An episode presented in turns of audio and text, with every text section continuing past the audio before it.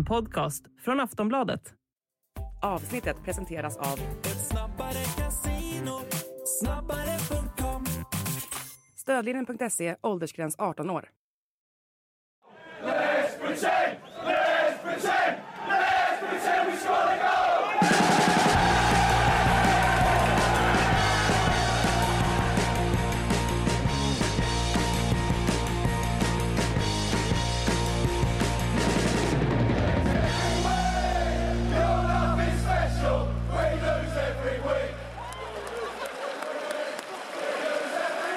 Ja, Sportbladets Premier League-podd. Vi har inte riktigt tagit semester än. Vi har en sak kvar att avhandla, eller två får man väl egentligen säga. Eh, en FA-cupfinal och sen våran PLP Awards som vi delar ut varje år. Patrik Syk heter jag och i, precis som i vanliga fall så har jag Makoto Asahara och Frida Fagerlund med mig. Vi eh, börjar, tycker jag, med fa Cup-finalen. Så har vi liksom den avriven. Så har vi liksom tackat, tackat av den här eh, engelska fotbollssäsongen. Jag vet att Manchester City ska spela en match till, men Champions League, det pratar vi inte om här. Eh, det får vi följa upp i Sillypodden. Frida, du var där på Wembley. Eh, 80, många 80 någonting tusen brukar det ta in va, på en sån här fotbollsmatch? Ja, det låg väl på 83 000 tror jag. Mm. Eh, åskådarantalet. Så att det var, det var bra drag kan jag Mm. säga. Eh, Manchester- Varmt också kan tilläggas. Ja, jo, man har förstått det. Eh, Manchester Derby i London, rött mot blått. Jag tycker alltid fotbollsmatcher ska spelas rött mot blått. Det, det liksom känns mest rätt. Mm. 2-1 till Manchester City som var, i mitt tycke i alla fall, ganska klart det bästa laget, även om det blev ju rätt spännande. Eh, trots Gündogans mål efter 12 sekunder. Eh, där tänkte man ju att, aha, då var det över. Eh, satt lite längre in och Manchester United fick ju en liten gratis biljett in i matchen i och med den här Hansen och straffen och så vidare. Men Frida, du kan väl eh, beskriva din upplevelse från pressläktaren? Jo, nej, men jag håller väl med. Jag tycker att eh, Gündogans mål präglar ju väldigt mycket av första halvleken. För jag tyckte nästan det blev en liten... Att den, den blev ganska så underlig, men eh, det var ju kanske inte så konstigt med tanke på att Man City, har de gjort ett mål så blir det ju ofta så att de försöker hålla i bollen och vara, vara tålmodiga. Och sen tyckte jag att Man Uniteds matchplan var lite speciell också så tillvida att det sker ofta valde att slå bollen långt på någon av de offensiva spelarna och det är en ganska hopplös taktik att ha mot man City nu för tiden med tanke på att ytterbackarna är lite mer tillbakadragna och det är ju fyra riktiga fyrtorn som står där bak och de, de ser gärna att ett lag spelar långt på dem för då kan de bara suga åt sig bollen igen. Så att jag vet inte om jag håller med vissa som påstod att det var en eh, taktisk masterclass av Erik Ten Hag i halvtid. Jag höll inte riktigt med om det. Och sen så är det ju förstås där i andra halvleken att Man City står och sår lite igen. Det var ju ett lite speciellt avslut, en spinn på bollen nästan som ställer de Gea. Jag vet inte om hans syn blockas också. Och eh, ja, tycker väl ändå att Garnacho när han kommer in så bidrar han med lite energi så att det är möjligt att han skulle ha startat istället. Men i slutändan så var ju Man City det bättre laget totalt sett. Men man kan ju inte gå och släppa in ett mål efter 12 sekunder i en final på det här sättet. Det känns som att de behövde ju kasta all liksom, initial tanke i papperskorgen efter, ja, bara redan då med tanke på att eh, ja, när det kommer ett sånt mål på det här sättet, när Gündogan får stå så ostört och måtta det där avslutet och då blir det ju liksom uppförsbacke från eh, första sekunderna. Så att det, det kändes som att City satte standarden redan då och det är ju inte förvånande att de kanske går därifrån med eh, titeln också. Nu har de ju två av eh, tre då till den där potentiella trippen. Mm. Ja, det är mycket prat om den där trippeln och såklart för Manchester United-supportrar eh, så hade det ju betytt mycket att eh, försvara den där positionen som trippelinnehavaren. Eh, sen de tog trippeln, och, herregud, det är 20, 23, 1999. ja, blir det? Ja, 24 år sedan. Det minns knappt ni va? Men det är, ju, det är ju det som är så speciellt också, att det är ju så mycket som... Alltså då 1999, för det första så låg inte ens Man City i högsta ligan. Nej. Eh, De spelade inte i Premier League. Och jag vet inte om, eh, ja, säkert några som minns för 14 år sedan när Sir Alex satt och sa att ja men Man City kommer aldrig gå in som favoriter i ett derby under min livstid. Och sen så ja, har det blivit som det har blivit 2011 när Man City vann den här semifinalen i FA-cupen mot Man United. Det var väl där på något sätt som själva brytpunkten skedde, där man började känna att nu håller Man City på att, att ta över här och sen så har ju Man City hamnat över Man United i tabellen alla år efter det. Så att, ja det är ju, det är ju en speciell, dels är det en speciell rivalitet med de här lagen för att som sagt Man United har ju aldrig tagit dem på stort allvar förrän, ja, kring då, 20, ja, när vi gick in i 2010-talet. Um, så att, ja, nej, det är klart att de hade velat försvara sin trippel här, men frågan är om inte Man City kommer vinna den där Champions League-pokalen. Det, de har ju en oerhört god chans i alla fall att göra det och då kommer de ju på något sätt bli odödliga. Det är Sanslöv måste backa bandet över tio år tillbaks för att hitta tiden när United var liksom före City. Eh, tiden går fort ändå. Ja, det, är- det är helt sanslöst och men ingen blir ju förvånad. Jag minns att vi satt och sa här i, i Sillypodden förra sommaren, kommer Erling Haaland till det här laget, då är de ju favoriter till alla troféer. Eh, och det är de ju. Nu, du vann de inte ligacupen, eh, vilket ja, de ju såklart hade kunnat göra, men de var inne i en liten svagare period där i vintras. Un, under en, var de inte det? Vill jag- Jo, det var de minnas. verkligen. Ja, det var ja. mot Southampton de Mm. förlorade till och med. Ja, just det. Dessutom. Mm. Eh, ja, och så tappade man den då, men, men från start på den här säsongen så har Manchester City varit favoriter i alla matcher de har spelat. Eh, det är bara så, det är, den, det är den världen vi befinner oss i just nu. Minns ni förresten när, när United tog trippen? Vi har säkert pratat om det här förut, eh, ni var så små då. Eh, vi, hade ju, Ja. vi, hade ju, vi hade ju en svensk med, minns ni vem det var? Jesper Blomqvist. Jajamän, han startade Champions League-finalen där. Ja, den var inte så eh, svår. Bayern München. Nej, nej, så pass eh, liksom är vi inte det är i svårt Inte att helt det är- Det svårt att veta vad ni ungdomar har koll på och inte. Ungdomar. Passerat Jag kan, 30-strecket, ingenting, det är ju jag, slut. jag, jag kan ingenting om Pokémon-kort. Jag förväntar mig eh, kanske inte att ni ska veta om saker som har hänt på 90-talet. Eh, vi eh, säger grattis till Manchester City eh, och och eh, ja, de kliver väl in som favorit till den här Champions League-finalen också såklart. Men jag har en, jag har en, liten, jag har en liten känsla för Inter där. Eh, jag tror inte att det kommer bli lika ensidigt som, visst nu blev det bara 2-1 och det kanske inte, jag, jag tyckte att det var extremt ensidigt rent i, i, i matchen. Jag tror inte det kommer vara samma sak i Champions League-finalen. Eh, där kommer Manchester City få, eh, få jobba ännu hårdare. Mm. Eh, vi ska gå vidare då till vår PLP Awards. Så här är det. Jag har satt ihop ett antal, det är ganska, ganska standard eh, kategorier, men jag har också då tagit ut tre stycken eh, nominerade i varje kategori. Om ni har några andra som ni vill slänga in så gör det. Eh, det är fritt fram. Men vi ska börja lite lättsamt. Eh, vi ska nämligen börja med årets bråk. För det har varit en ganska bråkig säsong, eh, känns som. Och det är- första nominerade här säger ju också någonting om hur den här säsongen har varit. Eh, första nominerade är Tuchel mot Conte. Eh, är helt sanslöst att vi gick in i den här säsongen med att eh, Tuchel tränade Chelsea och Conte tränade Tottenham. Eh, nominerad två, Mitrovic mot Chris Kavanagh och nominerad tre, Klopp eh, mot eh, Tierney. Alltså, ska inte Cristiano Ronaldo mot Manchester United som fenomen någonstans in under... Om det, nu ska vi se. Om det är rätt säsong vi är inne Ja, på. det är Man rätt, blir det är rätt, det är rätt över- säsong. Han var... Ja, precis. Det känns som att det var en evighet sen, men det är ju faktiskt den här säsongen. Ja. Eh, men annars så tycker jag väl att alltså, Tuchel mot Conte har ju, alltså det är så många ingredienser i det. Och den handskakningen är ju något av de mest liksom, minnesvärda, ikoniska ögonblicken från den här säsongen. Ja, alltså det är inte ens, det är inte ens snack om saken. Det är definitivt Tuchel mot Conte. Jag var ju där eh, på den Mm. matchen och eh, det roligaste var egentligen efteråt när man hör dem sitta och prata om det här. De är ju riktiga sådana där spillevinklar båda två. De tycker ju att det här är kul när sånt sker. Det var ju kul.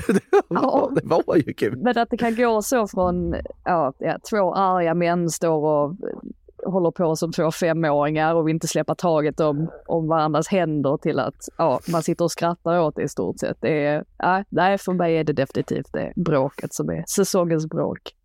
Ja, Nej, alltså Contes min när han tittar ner där på, på handen är, är helt otroligt. Alltså det, är vilken, vilken fantastisk sekvens Var det det samma match där, nej det var det nog inte, där Kovacic klädde av sig naken i stort sett och sprang över hela planen. Men det var nog en annan kväll. Jag bara minns att det var, har varit mycket konstigheter på Stamford Bridge den här säsongen. Det, ja.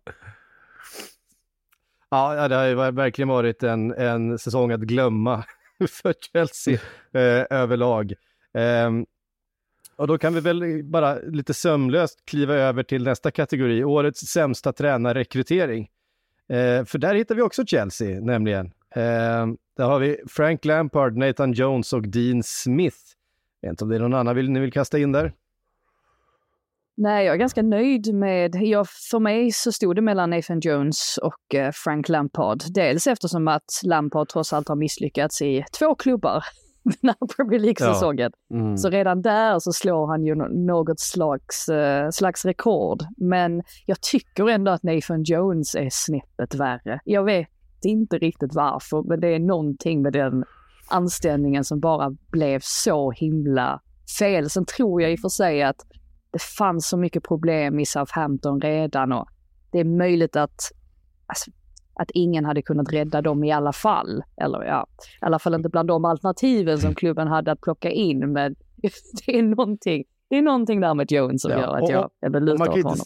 man kan inte säga att Luton saknar Nathan Jones heller. De, de, Nej, de kliver ju rakt upp i Premier League efter att han har lämnat, nej, rakt upp var det kanske inte, men, men ehm, med killen som sparkades av Watford inledningsvis på säsongen. så att det säger rätt mycket om. Championship också. Ja. ja, Mm. ja det, det är så mycket där. Eh, men från sämsta tränarrekrytering då, kom vi fram till att det var Nathan Jones. Jag, jag håller väl med om det ändå. Alltså så här, Lampard så var ju, det hade ju redan kapsejsat när han tog över på något sätt och det var bara för att det blev bara någon sorts förlängning av eländet i Chelseas väg. Nathan Jones var, gick ju verkligen in där och var han var inte tilltänkt att vara någon interimlösning heller, men det vart ju bara ja, fullkomligt Han- haveri, han var så jag håller så- helt med på. Han var så hatad också av supportrarna. Alltså de, kunde, de ville bara bli av med honom. Det var ju, sen har han i och för sig, eh, hans fjäder i hatten är ju den här segern mot Man City som vi redan har nämnt. Men eh, utöver det så var det inte särskilt många glädjeämnen. Nej, Nathan Jones håller jag, håller jag med om ändå. Ja.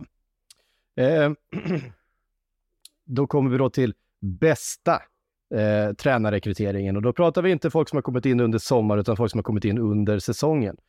Eh, då har vi, ja den här är svår, den här är riktigt svår. Eh, De Serbi, Unai Emery eller Gary O'Neill. Man glömmer att Gary O'Neill faktiskt kom under den här säsongen. Eh, just Scott Parker fick sparken efter bara några matcher. In kom Gary O'Neill. Har inte gjort så mycket väsen av sig, men Bournemouth har ju gjort en säsong som långt överträffar några som helst förvä- förväntningar och kanske till och med förhoppningar. Ja, verkligen. För mig står det ändå mellan De Cherby och Emery.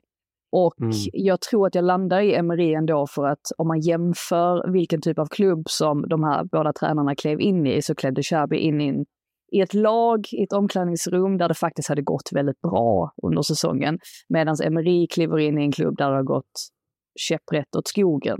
Så därför så landar jag i Emery just för att det var ingen som trodde att Aston Villa faktiskt skulle kunna plocka en Europaplats eh, med tanke på hur det såg ut under hösten under Steven Gerrard. Men det är väldigt, eh, väldigt tajt. Jag håller med om att det är svårt att faktiskt välja en av dem. Om, vi, om du fortsätter på det här rimliga spåret Frida kommer det bli en väldigt tråkig podd för jag håller återigen med om att alltså, Emery, alltså, de var ju så pass dåliga. Han kommer in och ja, resultaten de gör med det och tar en Europaplats. Eh, De Cherby har gjort det helt fantastiskt med Brighton, absolut. De har ju levlat upp verkligen när de fick in honom istället för Potter. Eh, men nej, Unai Emery för mig om man tittar på just liksom bästa tränarrekryteringen på så vis och liksom största förbättringen sett till vart de var innan. Mm. Eh, nej, men jag håller med, jag hade också Unai Emery. Eh, just precis på det du säger, att han kom ju in och ska rädda någonting. Eh, han Mm. kommer ju in och måste förbättra det. De Serbi, hans krav är ju egentligen eh, fortsätt så som vi har hållit på. Eh, utveckla gärna, men, men bara liksom fortsätt trampa på den här cykeln eh, som har ganska hög fart. Eh, Mm.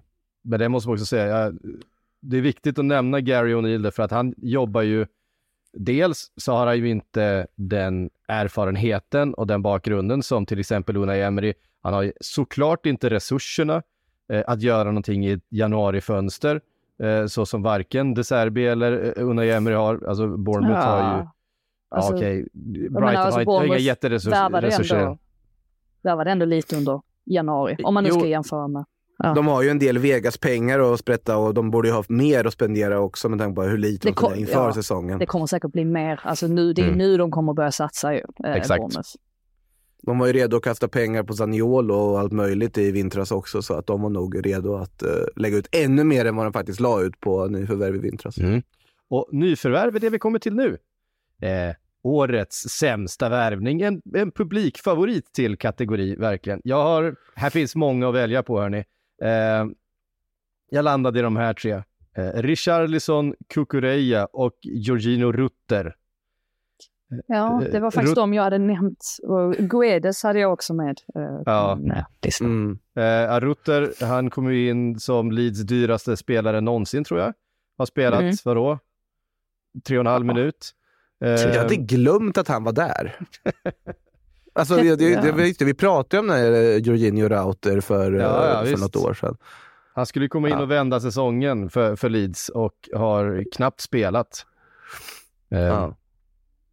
Men vem väljer ni? Richarlison har det varit mycket prat om. Det tog 24 matcher för honom att göra sitt första mål för, för Tottenham. Ehm, kom också för mycket pengar. Eh, Kukureya var så fantastisk i, i Brighton förra säsongen, kommer till Chelsea såklart som inte har fungerat överhuvudtaget. Eh, och det är ju inte hans fel, men det, det är lite hans fel också. Ehm, för jag menar, de har ju faktiskt lyckats eh, sumpa den här säsongen tillsammans allihop. Jo, men Alltså, det jag, finns jag blir an- lite så här också, alltså när det handlar om att utnämna alltså årets, eller säsongens värsta Mm. värvning, så tycker jag det landar väldigt mycket i klubben, alltså hur har klubben tänkt här? Och i, Ja. i Richarlison-fallet så fattar man ju inte riktigt vad Tottenham skulle med honom till från första början. Det fanns ju ingen riktig, ingen riktigt klar plats för honom. Eh, och då för 60 miljoner pund så tänker man ju sig att det i alla fall finns en plan. Sen har han haft mycket problem med skador och sånt som givetvis också har ja, så, gjort att det har blivit en hackig säsong för honom. Men i Kukureyas fall, även om han, ja han har varit katastrofal i vissa matcher, men sen har han ju faktiskt varit helt okej i andra matcher. Men för 50 miljoner pund så tycker man ju ändå att han har sänkt sina aktier på ett sätt som, jag menar det snackades om att han skulle till Man City också förra Ja, och sommaren. de ville ju verkligen ha honom. Ja, och nu, ja men de insåg väl att killen är ju inte värd 50 miljoner pund i alla fall. Nej. Och det, det gör väl på något sätt att jag landar i Kukureya för att jag tycker att det är sån otrolig, han har verkligen gått från toppen till botten på en enda säsong. Sen är det möjligt att han på sikt kan bli bra ändå för Chelsea, men eh, ja, det var inget vist beslut i alla fall att värva honom för 50 miljoner. Så mycket kan man Alltså, det säga. finns ju lite andra Chelsea-spelare som dyker upp i mitt huvud här när vi sitter och pratar om det här. Så Fofana. jag tänker på Ja, men Fofana har väl skador och så vidare. Jag tycker fortfarande att Hisk är lite överdrivet, men han har inte varit helt alltså, bedrövlig när han väl spelat. Sterling, Eh, Koulibaly Koulibaly, ja. Eh, Verkligen. är någon jag tänker på. Mikhailo Mudryk kanske är för tidigt att eh, slänga under bussen, men det har inte varit någon höjdar eh, första halvår för honom. Eh, han Nej, är ju men, ändå- men Kukureya kom ju in för att han ville kliva rakt in i startelvan typ Mm. och göra skillnad. mm. Och det har han ju inte, det har han inte gjort på det sättet. Nej, för, mig, för mig är det nog Raheem Sterling i sådana fall från, från Chelsea. För han kom in, eh, han är så etablerad, kostade mycket pengar, han har liksom alla landskamper, all status i England. Han skulle vara den här garanten på något sätt i ett ungt, nybyggt Chelsea. Garanten för, för klass och kvalitet och spela, och det har han ju verkligen inte varit. Och det är Sterling har ändå gjort sina mål stundtals och ändå spelat matcher och på något sätt när man står ut den sämsta värvningen så måste man hamna i spelare som Ja. ja, inte ens bidrar på något sätt. Richarlison tycker jag ändå att absolut, han gjorde inte mycket mål. Han har varit en floppvärvning på alla sätt och vis. Men han har ändå haft någon form av naturlig del i den där truppen. Han har inte varit helt bedrövlig när han väl sen- har fått spela. Sen finns det såklart andra, typ Artur Melo som spelade. Var Ja, där, Men det var ett lån och sen gick han sönder och var borta hela säsongen. Ehm, och även om han har varit hel senaste två månaderna så har han inte liksom spelats för att det har inte funnits någon poäng med att spela honom. Ehm, jag landar nog ändå i Koulibaly alltså. ja, han, På, på, på också att du, de blir tvingade eller ändå går ut och köper en ny mittback i vinterfönstret och då är det en spelare som du har noll återförsäljningsvärde på som inte ens varit nära en startelva på sista tiden och som ändå kom som ett supernamn och man hade jättehöga förhoppningar på honom. Så för mig hamnar jag nog ändå där. Men jag köper ju Kukureya eller Richarlison och så vidare också. mm. Ja, jag, vet, jag tycker ändå Kukureya är snäppet värre sett i priset då. Mm. Men jag menar, Gonzalo Guedes, jag måste nästan slå ett slag för honom igen. Alltså det är ju, han Ja. köptes ändå in för nästan 30 miljoner pund och sen lånas han ut till Benfica efter fem månader. Det man kan ju inte, ja, ja, nej, det, det Nej. blev inte alls bra. Det är mycket pengar för en, för en klubb som Wolves, man får också sätta det i det paritetet. Alltså liksom att Leeds la Mm. rekord med mycket pengar på Rutta, alltså 36 miljoner var det väl. Så att, ja, Ja, Rutter är också bra. ja. Alltså, Nej, och, det, och jag menar, det kandidat, finns, ju, det finns ju många här som vi har pratat om. Det lades mycket pengar, eller så här, ganska många dyra spelare har inte haft någon supersäsong. Jag menar, det var Darwin Nunez. Det är inte kanske en, en, en supermega-flopp på det sättet. Han gjorde väl ändå 10 mål eller något sånt där. Men det är klart, för de pengarna han kom. Jag, jag har nästan ingen lust att eh, säga vem jag tycker är allra värst. Jag tycker att alla... Alla, Alla förtjänar ett här. underbetyg. Ja, Ja. typ. Eh, och Anthony i, i Manchester United var en annan som, eh, som har nämnts i Ja, de här men- sammanhangen mycket. Men, ja, ja, det- han har ju ändå gjort inte i närheten av de här andra vi har pratat om Nej, tidigare. jag tycker inte heller det. det var, och där är det ju också så här prislapp och förväntningar och det där kan man ju tycka om. Ja, men som, jag tror Anthony, eh, han har gjort sin första säsong. Det är klart att han kommer för jättemycket pengar. Det är inte han som har liksom satt den prislappen på sig själv. Det är ju klubben som har valt att, att betala så mycket pengar. Eh, och det är samma sak med Darwin Nunez. Det är inte han som har jämfört sig själv med, med Haaland under eh, försäsongen och vem ska ha den bästa, alltså och så vidare. Eh, Lånet av Joao Felix är också en bra kandidat i sammanhanget. Alltså. Ja, Alltså det, lån- det röda lån- kortet där. ja. Ja, lån, lån är ändå liksom ett lån bara. Det, det, det kommer man undan med lite mer på något sätt. Ja. Eh, för att det, det går att chansa. Men vi, skit, vi, vi, vi lämnar det här. Vi, vi, vi konstaterar att det som vanligt då finns en del missar på transfermarknaden. Men såklart, en del fullträffar också. Årets bästa värvning. Jag har tre här och det finns många. Och vi kommer ju inte runt Erling Braut Haaland. Eh, vi kommer heller inte runt Casemiro. Och sen har jag också kastat in Palinja. Eh, För min skull. för, för, för, för, Fridas, för Fridas skull, för jag vet att Frida vill ha in honom. Nej, men han har varit, alltså, det blir så tråkigt om vi bara tar de här spelarna som är världsklass och som kommer in i världsklasslag och fortsätter vara världsklass. Alla såg, alla visste att Erling Haaland skulle vara jättebra i Manchester City och göra massa mål. Fast visste alla det? Ja, det visste vi. Alltså, om han inte hade gjort det hade det varit mer förvånande än att han har gjort det, om man säger så. Eh, Casemiro, samma sak. Visst, det fanns någon slags, någon slags ehm, eh, farhåga om att han skulle vara lite Mm. trött och komma dit och lyfta lön, liksom. Men jag menar, vi pratar en av de bästa defensiva mittfältare under hela 2000-talet. Eh, som fortfarande inte är lastgammal, liksom. Det är klart han kommer in och var jättebra. Palinja däremot, eh, det är ett smartare köp. Han kommer in och, och räddar mycket av en säsong och framförallt Mm. eh, förändrar ett lag eh, som inte då kommer från den här högsta hyllan. Eh, och det är en mer intressant värvning att prata om egentligen. Ja, nej men det tycker jag i alla fall. Eh, och det är just därför som jag tycker att Palinja är säsongens värvning. Precis som du har gjort nu så fint så kan man ju argumentera för alla dessa spelare eh, på, på olika sätt. Men jag tycker väl på något sätt att Fulham lite grann glöms bort. Eh, de landar trots allt tia i tabellen. De hade faktiskt kunnat komma ännu högre. Eh, så att, ja, jag tycker väl att Palinja, sättet han liksom har tagit sig an den här rollen på att han har utvecklats och blivit en sån stor ledare för laget och att det har varit en tydlig skillnad på när han inte har varit med också, de få gångerna han inte har varit med. Så har man kunnat se en tydlig eh, försämring i Fulhams spel. Så just därför så tycker jag ändå att det är Palinja och eh, jag kan tänka mig att det är väldigt många klubbar som är sugna på honom eh, i sommar. Jag håller med allt du sa om Palinja, men jag kommer ändå inte runt Haaland alltså. Det, med Jag känner att det finns fortfarande- andra awards för honom att få längre fram i den här, eh, så att det är därför det, jag... Men det, det ena priset utesluter inte nödvändigtvis det andra. Men eh, om, eh, om majoriteten säger Palinja och vill låta Haaland eh, ha lite färre priser så köper jag givetvis det också. Ja, eh, men vi kan väl säga så. Jag menar, det är klart att, att eh, Haaland... Sen, med tanke på den starten han, han hade så landade han bara på 36 mål då. Ja, det är ju nytt målrekord i Premier League och så vidare. Det är ju helt, helt sanslöst att göra det i sin första säsong. Eh, men han kommer ju till ett lag som vann ligan förra året, som är det bästa laget i världen antagligen.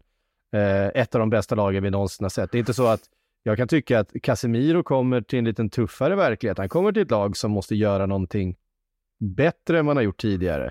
Eh, ett lag som måste förändras med en ny tränare, en ny miljö. Han har en, han har en svårare uppgift egentligen, tycker jag, som han löser väldigt bra. Men jag, vi, jag har markerat Palinja här eh, och sen så går vi vidare på nästa då. A lot can happen in three years, like a chatbot may be your new best friend. But what won't change? Needing health insurance. United Healthcare Tri Term Medical Plans, underwritten by Golden Rule Insurance Company, offer flexible, budget friendly coverage that lasts nearly three years in some states. Learn more at uh1.com årets genombrott. Eh, och den här är ju svår, jag vet inte, jag såg eh, The Telegraph eh, hade en ganska vid definition av det. här. Det var någon som utsåg Almiron till årets genombrott. Eh, alltså, vad är han? Oj. 27? Eh, 28? Alltså, det, Det här det- tittar, du på, tittar du på åldern också? Nej, nej, Jag nej. tänkte Ja, mer att han har ju visat jag menar bara att vad han måste ha kan gjort förr. Sitt, sitt, sitt genombrott. Eh, inte, inte bara att man har haft sin bästa säsong. Det tycker inte jag är att ha ett genombrott. Man måste typ inte ha vetat vem det var innan. Ah, okej. Eh, mm. Det, det är väl min definition. Det är klart man kan vara 28 och komma från eh, lägre divisioner och, och plockas upp i Premier League och vara fantastisk. Det kan ju vara ett genombrott på den stora scenen. Eh, det tycker jag inte att Almiron har gjort det så han har varit några säsonger i, i Premier League nu. Mm. Mina nominerade i alla fall. Evan Ferguson, Stefan Bajcetic och Garnacho. Oj. Ingen Karo. Mittoma. Alltså, jag- jag, jag funderade på Karo Mittoma. Det var många som hade honom i, när jag googlade runt här som eh, årets genombrott. Men jag vet inte. Jag, ja, det, det får slänga in honom då. Jag har en annan Kaoru Mittoma för mig är Alltså, ändå. Är du kränkt Makoto? Eh, Nej, alltså li, lite chockad. Alltså, jag kan ju köpa om man slänger in faktiskt eh, McAllister som en argument med också där. Eh, som jag ändå tycker har verkligen fått sitt genombrott som en eh, liksom väl ansedd mittfältare på ett helt annat sätt än vad man kanske trodde inför säsongen. Men han gör ändå typ sin Ja, tredje jag säsong ändå- eller något sånt där. Ja, då tycker jag ändå Caicedo eh, i så fall är, är Mm. liksom snäppet. Han har ju Ja. verkligen fått sitt Alltså, genombrott. alltså Ferguson är ju ett genombrott givetvis, men där tycker jag på något sätt att det är inte så långt som att det är året. Är- Man ser att det är en väldigt spännande spelare, men för mig, om man då tar Brighton, som jag ändå tycker har ganska många kandidater, då, då hamnar jag ändå på, på mittomman faktiskt. Jag eh, var ju faktiskt lite inne på William Saliba. Nu vet jag ju att de flesta hade koll på Saliba för att han tillhörde Arsenal, men jag tror inte att någon hade föreställt sig att han skulle kliva rakt in i startelvan och göra det så pass bra som han har gjort det och var ju, han har varit en av de viktigaste spelarna egentligen i titelracet så att jag tycker ändå att man på något sätt kan eh, ja, slänga in honom i sammanhanget Mm. också. Det beror lite på hur man värderar ligan också med tanke på att han ändå var alltså, årets lag kompatibel i ligan från vad han gjorde förra säsongen. Men annars så, jo. ur ett Premier League-perspektiv så håller jag helt med om att han har ju varit otroligt Mm. mycket bättre än man kanske förväntar sig att han skulle vara. Ja. Ja, den här är svårare. Jag, jag låter den här vara öppen. Eh, vi, måste inte, vi måste inte komma överens om någon, för att det, det, definitionen blir för, för svår. Men Eh, faktiskt, E- Evan Ferguson hade jag aldrig hört talas om. faktiskt innan den här säsongen. Mm, så det, om man nu ska ta någon som var helt och hållet okänd och som på sikt eventuellt kan bli en ny Harry Kane så är det väl han. Mm. Nej, men det var lite det jag var inne på. Det var ingen som hade hört talas om eh, Stefan Bajcetic eller Garnacho heller eh, direkt före den här säsongen. Ja, kanske de mest, de, de mest eh, inbitna supportrarna Du sitter och kollar eh, junior scouting och, och så vidare, men eh, för en lite bredare massan. Evan Ferguson var ju, han, han kunde ju inte sluta göra mål där ett tag. Eh, vi går vidare i alla fall. Från årets genombrott då till årets avsked spelare som helt enkelt vi eh, har pratat om länge och som inte kommer spela Premier League-fotboll framöver. Här har jag tre namn. Det är James Milner, Roberto Firmino och Granit Xhaka. Tre rätt starka profiler får man ändå säga. Men Milner ska väl till, ska inte han till Brighton? Ja, han ska till Brighton. Ja, det, jag glömde det. Fan också. Vad dumt. Men för mig är det faktiskt... Ja. för mig är det Firmino ändå. Jag tycker, Mm. ja. Han har ändå gjort så ett par stort avtryck på Premier League också. Att det, ja, det var fint att han fick det avskedet han Mm. fick där med ehm, att han fick göra mål och, och sådär i sin, eh, i sin sista hemmamatch. Ja, och sin sista bortamatch. Och just det, bortamatchen också. Mm. Ja. Den Tycker, tycker. Nitjaka är en väldigt bra, bra kandidat också, men det finns ju ett namn jag tänker på, men det är inte klart om det blir ett avsked än. Men om det skulle vara så att Ilkay Gündogan lämnar City. eh, Snacka om att lämna på topp då alltså. Ja, men det, precis. Att han är med och bidrar på det sättet han gör i slutspurten och visar sitt värde för klubben sista han gör innan han eh, går till eh, Barcelona eller vad det, nu, vad det nu kan bli efter det här. Då. För det ryktas ju ändå en del om att han ska vara på väg bort. Så om Gündogan skulle hamna i Barcelona så tycker jag att han kliver upp som eh, etta på avsked egentligen med tanke på vilken impact han hade under slutomgångarna. Ja, jag tycker ändå Firmino är... Ja, är Firmino någonting. är, en, är ju en större Mm. spelare än, än Gündogan rent, eh, rent Liverpool-mässigt. Liverpoolmässigt. För mig, för mig personligen. Eh, så är det. Nej, men han är den... Vilket han bra är den, argument. Han är, ja, det är ett jättebra argument. Ja, jag menar, han är den bästa brasilianska målskytten i Premier League genom alla tider med en ganska bred marginal.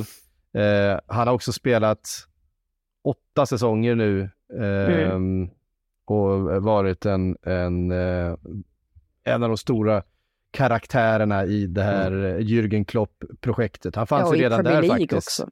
Ja, i, i Premier League, eh, givetvis. 71 mål eh, blev det till slut på de här eh, säsongerna för Firmino. Man ska komma ihåg att han gjorde otroligt mycket mål också i Champions League. Det var nästan där han var som, eh, som allra effektivast eh, ofta. Eh, och det, det säger ju någonting om hur mycket, hur mycket dokumentärer det görs i alla Liverpool-kanaler just nu. Eh, det är helt otroligt. Mm. Eh, därifrån då till årets spelare. Vad svårt. Vad svårt det är, eller hur? Ja, det blev väl en Nej. norrman igen. Ja, alltså jag har tre Mm. stycken. Eh, det är Haaland, Ödegård och Casemiro jag har eh, som, som årets spelare nominerade. Alltså, jag visste ju att det, det var Haaland som skulle få det, därför att det, det, man kan inte riktigt ge det till någon annan. Eh, är det någon annan ni vill slänga in som ett omnämnande bland de nominerade? ja, Harry Kane. ja. Harry Harry- Kane har gjort en massa mål mot alla odds egentligen. Mm. Ehm, Men jag tycker att det är rätt många i Man City som man, man kan faktiskt lyfta fram Gündogan igen, man kan lyfta fram Rodri. Eh, Jag hade väl faktiskt nog tagit Rodri framför Casemiro. Ska vara helt ärlig. Ehm, Men ja, Köper den då. Jag, jag tycker också att eh, om man ska nämna spelare, så vi kanske inte kommer nämna så mycket, men som var fantastiskt bra i fa Cup-finalen också var John Stones. Hans utveckling Ja. den här säsongen, eh, på ny position med nya uppgifter, har ju varit helt sanslöst bra. Eh, vilken, vilken fotbollsspelare det är. Eh, och inte bara, Mm. alltså verkligen fotbollsspelare. Eh, kan så oerhört mycket. Eh, det finns, finns många bra i det där laget och på tal om avsked förresten, om, om det är så att Harry Kane skulle lämna Tottenham den här sommaren och dra till exempel till Real Madrid, eh, ja, då får vi väl kasta in honom då som en liten brasklapp i avskedskategorin eh, också. Så är det ju. Ja, det var väl värt den. Han, han tar hem den i sådana fall. Eh, får vi nog medge. Men inga diskussioner om Haaland va? Som Nej. årets spelare. Nej. Eh, här kommer en, eh, en som eventuellt då är lite, lite knivigare. Årets succélag. Och då handlar det om förväntningar, förutsättningar och jag har tre stycken och de är väl kanske inte så eh, så eh, jag kastade in Bournemouth. Eh, sen är det Newcastle och Arsenal. Eh, jag har svårt... Inte Brighton? Alltså det är ju det. Brighton, absolut. Även Aston Villa kanske. Jag tycker ju Ehm, nästan att Fulham, alltså, Fulham. jag menar Fulham hamnar över Bournemouth och är också nykomling. Ja. Ehm, ja. Ja, Jag undrar om inte jag landar i Newcastle ändå. Skulle jag säga. Alltså med tanke på, det var inget att förvänta sig att de skulle kunna ta en Champions League-plats så här tidigt på deras projekt på något sätt. Och sättet de ändå fått ihop det och gör det med marginal så det är ju en otrolig succé för dem såklart att vara tillbaka i Champions League-spel igen. Så för mig hamnar jag nog på Newcastle med eh, Brighton för mig som uh, där tvåa efter. Ja, jag är, in- alltså, jag är inne på Brighton ändå. Eh, med tanke Mm. på alltså, vilken budget de har Mm. haft, hur de har sålt av många spelare, hur de hela tiden lyckas ersätta spelare, hur eh, de lyckas ersätta tränare framför allt och att de nu ändå hamnar sexa i tabellen framför Tottenham, framför Chelsea. Jag vet inte, jag tycker ändå att det är en, det är en så pass stor bedrift att jag tycker det sticker ut. Sen att Arsenal hamnar tvåa, att de är med så länge i titelracet, det var inte många som hade trott det heller. Så att, ja, det står väl egentligen mellan dem i så fall för mig. Ja, Vad säger du Psyk? ja, alltså mm, ja, jag har lite svårt att komma runt Arsenal om jag ska vara riktigt ärlig. Eh, nu räckte det inte hela vägen och det är klart att eh, man skulle behövt ha vunnit någonting en sån här säsong för att det ska bli det riktigt. Men jag tycker att den höjden som de visade upp och det spelet och den vintern de hade så är det det känns lite orättvist att lämna dem utan, utan någonting i, i en sån här men, Mm. men Newcastle fantastisk säsong. Eh, har ju ändå, visst är det klart att de har gjort stora investeringar, men de har egentligen inte gjort, eh, de har inte, de har inte gått utanför sin egen budget än skulle jag säga. Eh, de har gjort stora investeringar, men det är det många lag som har och det kan lagen göra som spelar i Premier League utan att det sitter en, eh, en oljemiljardär och pumpar in pengar. Jag är inte säker på att vi har sett de stora investeringarna än från Saudi och att de redan är där de är är en eh, enorm succé. Mm. Ja, och då kommer vi till det här, årets fiaskolag och här är det hårt om här är det hårt om titeln alltså. För att, eh, jag slängde det- in Leeds där också, de gör ju ett fiaskosäsong.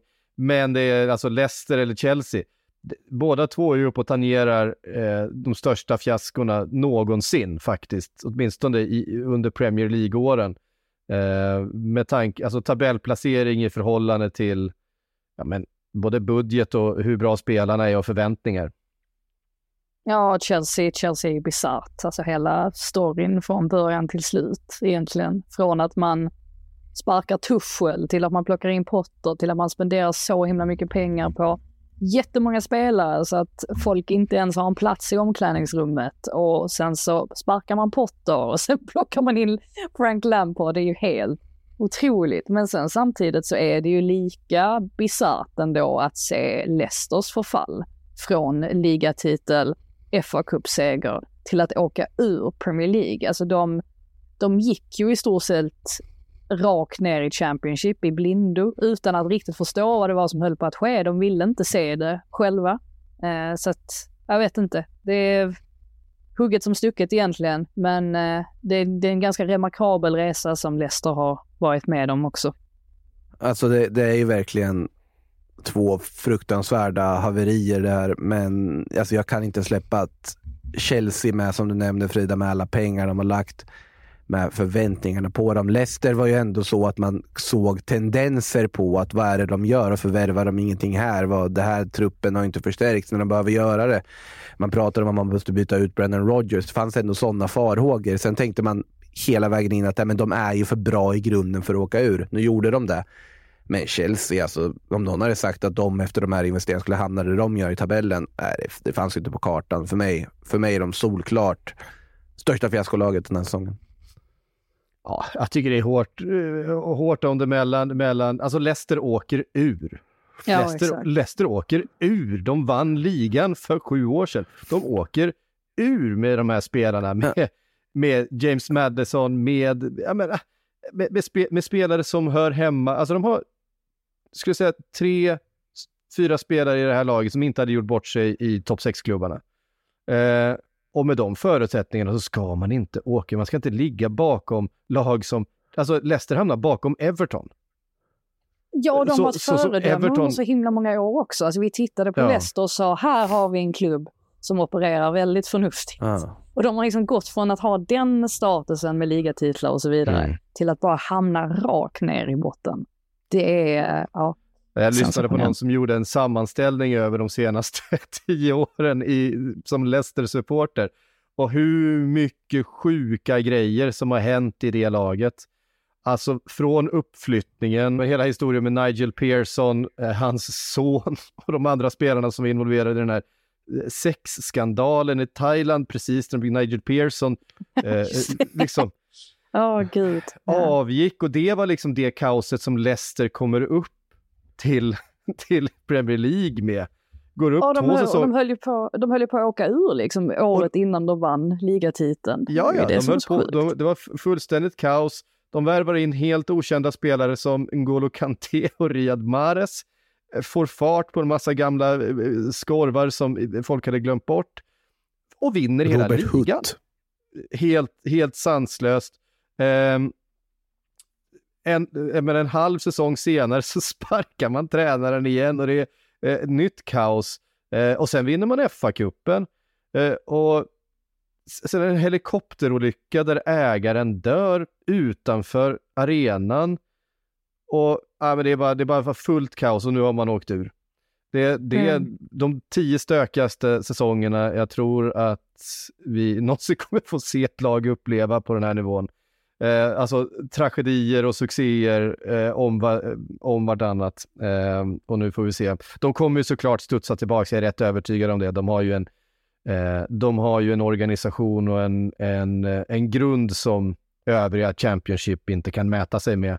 Så precis som när när, när, eh, när Newcastle åkte ut till exempel för ett antal år sedan eller när, eh, när West Ham gjorde det för ett antal år sedan. De, de där lagen studsar upp ganska snabbt igen som, som ju är... Ja, vi får se. eh, ja, vi får se. Det är som sagt, det är Leicester vi pratar om. Eh, I övrigt så, så håller jag väl med om att, att Chelsea kanske ändå har stått för det största, största fiaskot med tanke på att de gjorde den största investeringen någonsin i, i truppen. Alltså, det spenderades mest pengar, mer pengar än vad det någonsin har gjorts på en trupp och så slutar man tolva. Det har varit mer händelserikt att följa Chelsea, så mycket kan man ju säga. Den här Leicester har säsongen, ju, ja. ja, Leicester har ju liksom, som sagt, de, de, har, de har inte velat se sanningen, medan Chelsea mest har skapat rubriker. Ja, precis. Nej, men Leicester har nog känt sig eh, för bra för att åka ur. Man har inte riktigt... Ja.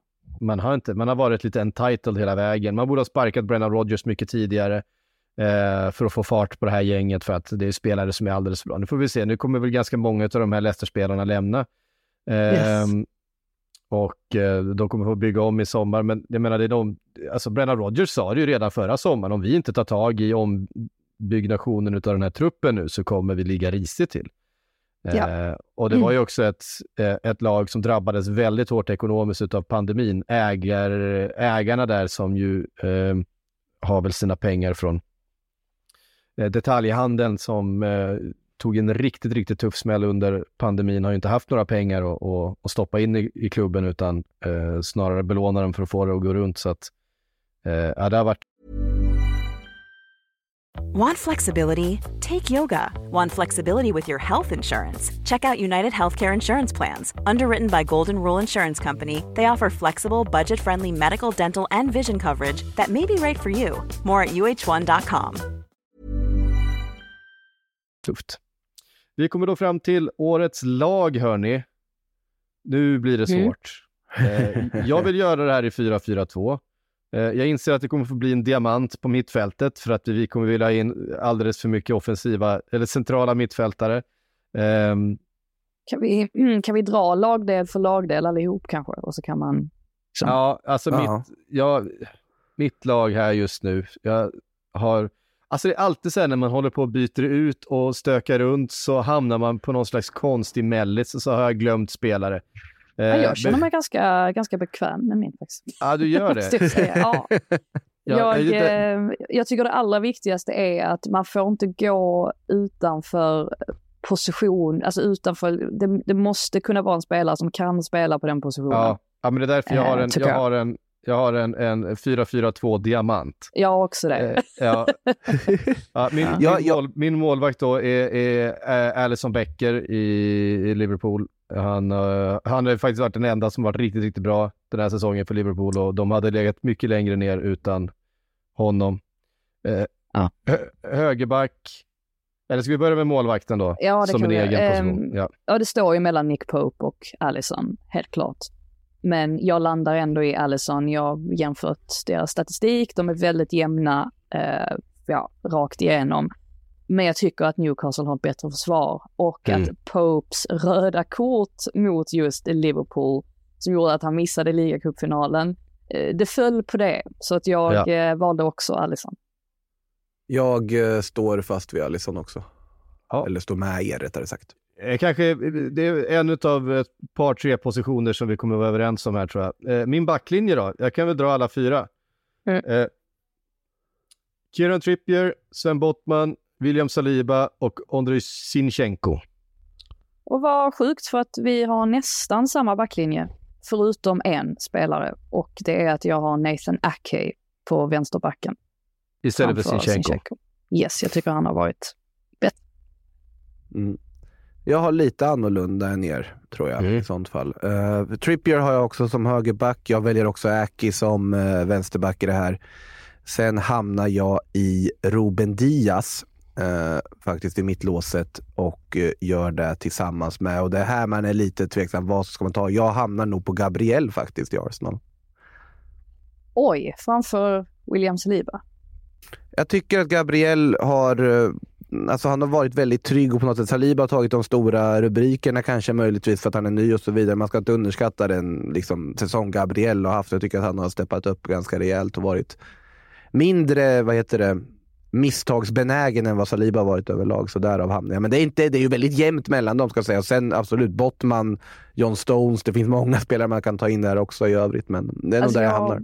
Ja, jag håller inte med om Gabriel faktiskt. Eh, Jag Ja. tycker fortfarande att det är William Saliba som har varit eh, trygg, den trygga punkten i mittlåset. Gabriel har fortfarande sina tendenser där han kliver upp eh, vid konstiga tillfällen på spelare alldeles för hårt. Och han, han har lite grann de misstagen i sig. Visst, alltså Saliba har också stått för något misstag här och där, men som sagt, jag tycker att han har varit snäppet bättre än, än Gabriel och att Gabriel framförallt behöver honom bredvid sig.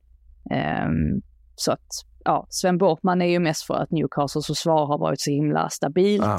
Eh, Kär är ju faktiskt en annan spelare som har steppat Verkligen. upp. Men jag tror att Verkligen. Kär har varit så bra just för att han har haft Sven Bortman bredvid sig. Det tror jag Eh, också. En annan jag skulle vilja lyfta är Lisandro Martinez som faktiskt har varit Mm. eh, bra. Mm. Anledningen till att jag ser förbi Ruben Diaz är dels att han inte har spelat så många matcher som eh, man kan tro. Och eh, plus att jag tycker ändå att det har inte riktigt hängt på honom i backlinjen på samma sätt som det kanske gjorde under hans första säsong i Premier Mm. League. Så att, ja, men det är ju tufft såklart. Nej, för, för mig Ja. är Diaz, jag håller med första halvan säsongen, men jag tycker väl sättet han kom in i andra på något sätt väger över på honom. Just att det, han visar ju vilken fruktansvärt bra mittback han är, men eh, jag köper ju om man, man tycker att han spelar för lite matcher också totalt sett.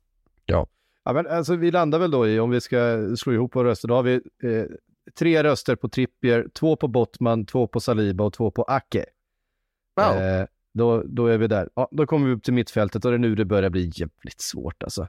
Eh, I min, i min eh, fyra här så har jag ju längst bak har jag eh, Casemiro, framför honom två spelare, där har jag Saka och De Bruyne och framför de två har jag Ödegård på min Eh, diamant.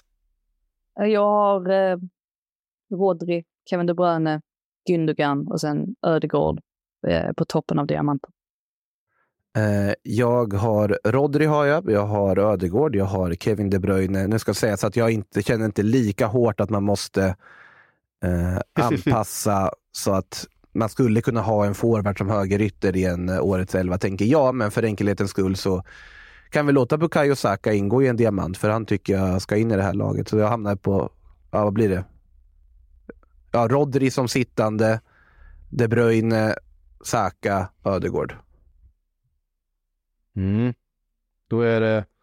ehm, ja, men då är vi ganska överens ändå. Då får jag kasta ut Casemiro i min, eh, i min uppställning. eh, Casemiro så- är nära ska sägas, men jag tycker ändå på något sätt att alltså, Rodris insats den här säsongen ska inte underskattas. Han har varit helt fenomenal tycker jag. Mm. Ja, ja, det har han ju absolut. Eh, jag, bara, i min, jag tycker att han spelar i ett bättre lag. Eh, Mm. och det... Nej, Ja, men han klart. gör ju laget bättre också. Så, Han gör ju, Ja. han gör ju laget bättre också, så är det. Ja, och sen en anfalls... För det här blev inte lika svårt som jag trodde det skulle bli. Eh, en anfallstvåa, Haaland och Kane. Är det någon som säger emot? Nej, faktiskt Vi har inte. två, vi har två forwards som gör 30 plus mål den här säsongen. och Jag, tror att sällan, det, säga. jag har svårt att se att någon ska säga emot det. Det, det är Dennis Undavs eh, slutspurt där på säsongen. som vi får in och, nej, Haaland, Kane Men just, givetvis. eh, ja, och just i Kane-fallet, att göra så många mål Ja. som han lyckas göra i Tottenham när de har en av sina sämre säsonger på länge. Det är det som gör att Ja. det sticker ut. Helt klart. Och, och dessutom, just i Harry Kanes fall, är att han gör så mycket mer än mål. Ehm, han är så viktig för det här laget i Ja. så många delar utav spelet. I uppbyggnad, i, alltså som, som target, som... Han, han satte till och med en frispark i år. Eh, det Ja. gör han inte jätteofta. Eh, men det gjorde han nu.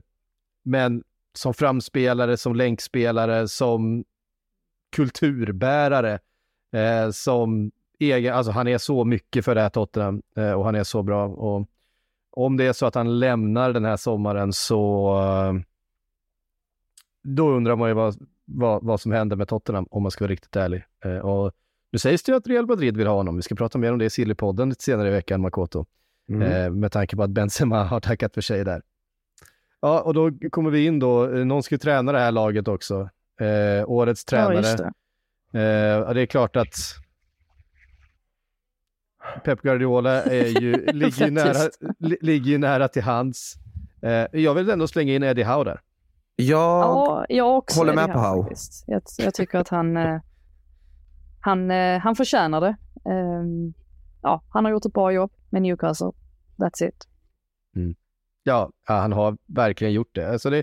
Jag tycker man ska komma ihåg att det är fortfarande ett lag som har kostat mindre pengar att sätta ihop än de övriga lagen som tog eh, Champions League-platserna. Det är fortfarande Ja. ett lag där, där Murphy spelar fotboll.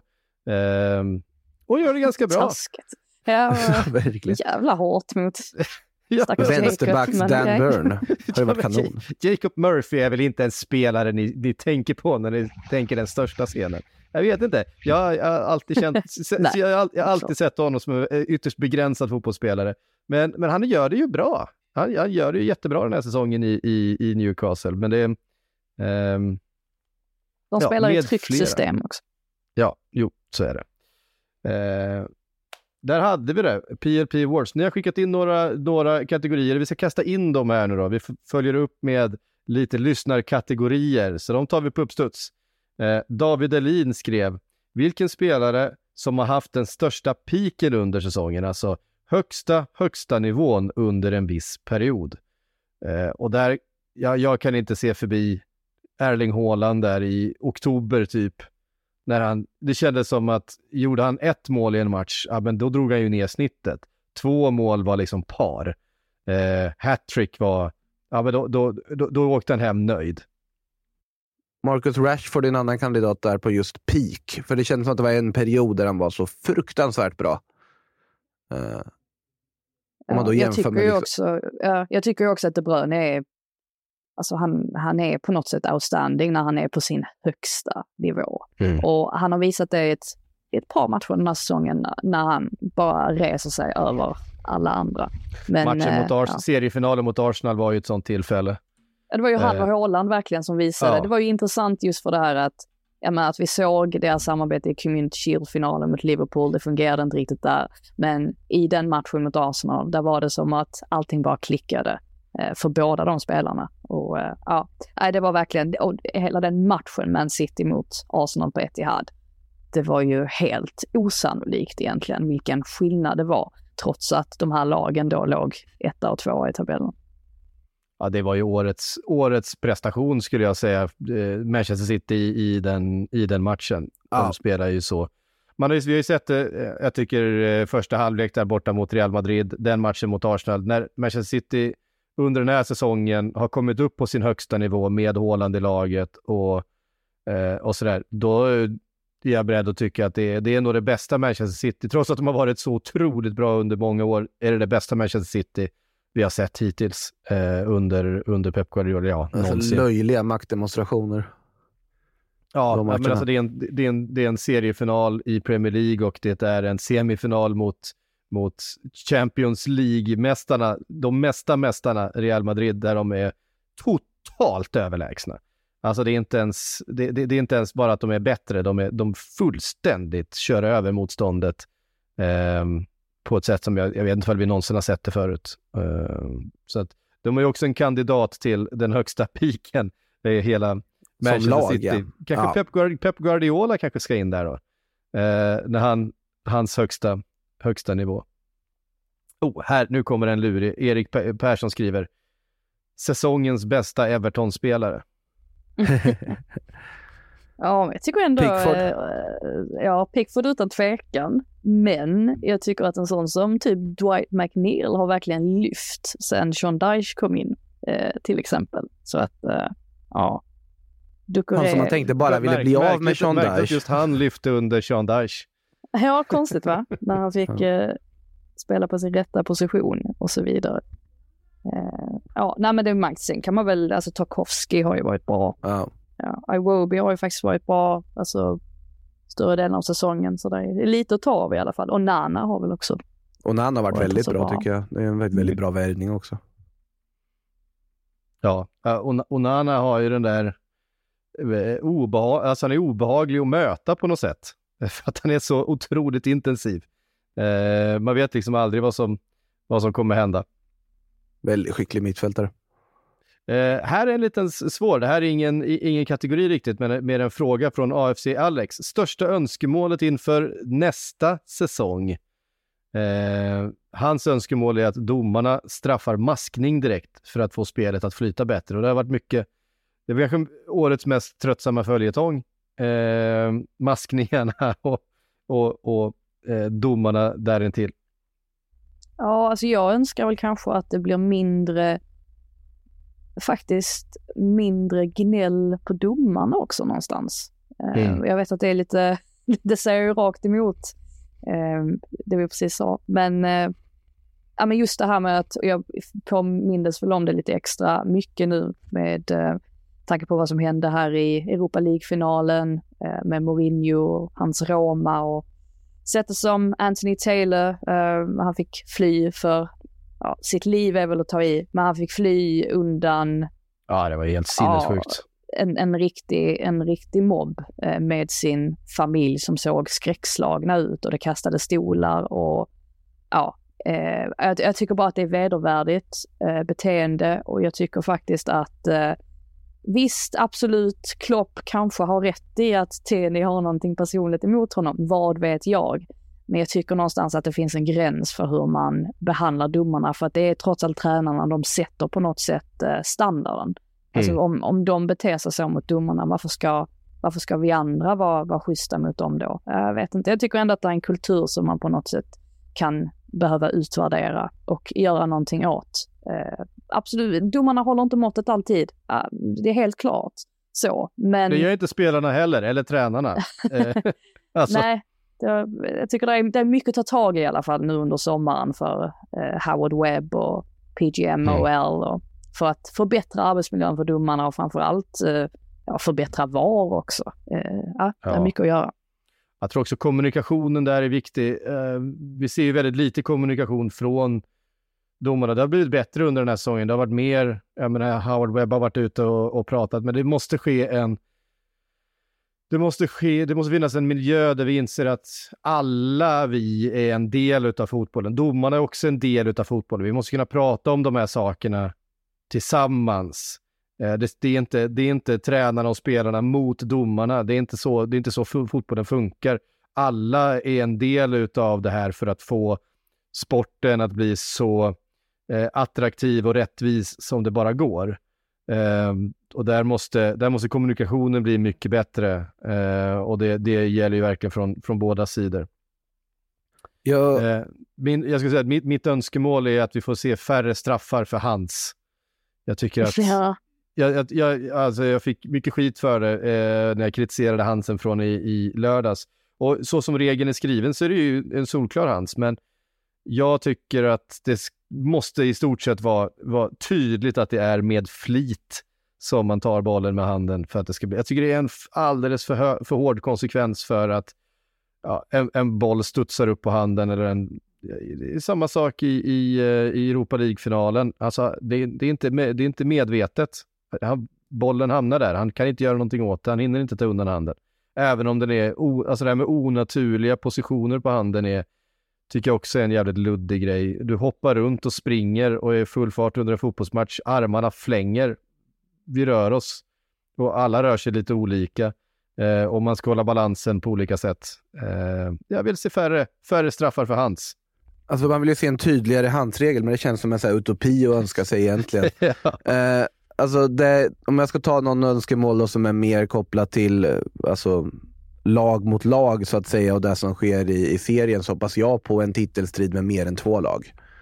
Eh, Mm. Att det är någonting som lever, att vi får se typ någonting som i stil med den belgiska ligan där Toby Alderweireld eh, dundrade in mål för eh, Royal Antwerpen där i slutet. Det var ju tre lag som hade titeln inom loppet av de sista fem minuterna av säsongen.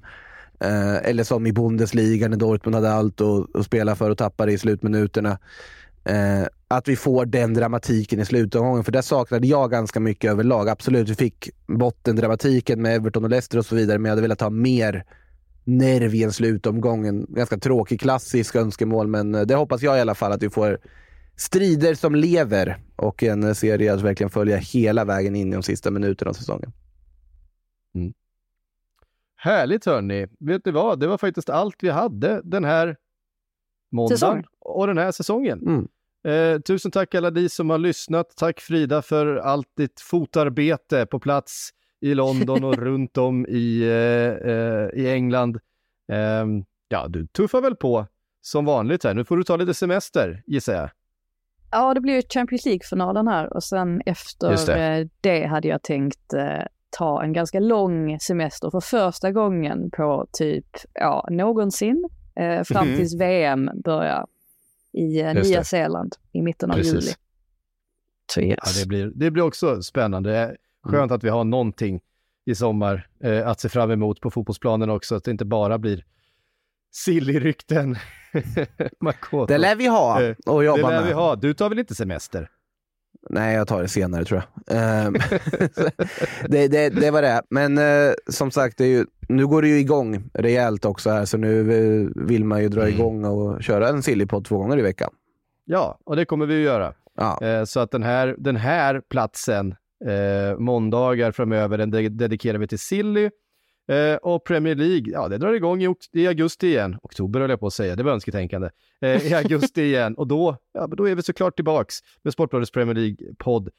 Alla som har lyssnat, ni som har varit med och pratat eh, och framförallt tack till alla vikarier som varit inne.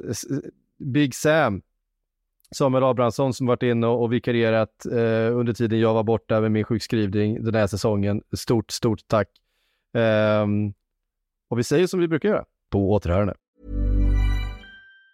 Spring? Is that you? Warmer temps mean new Allbirds styles. Meet the Superlight Collection, the lightest ever shoes from Allbirds, now in fresh colors. These must have travel shoes have a lighter than air feel and barely their fit that made them the most packable shoes ever. Plus, they're comfy right out of the box. That means more comfort and less baggage. Experience how Allbirds is redefining comfort. Visit allbirds.com and use code SUPER24 for a free pair of socks with a purchase of $48 or more. That's A L L B I R D S.com, code SUPER24.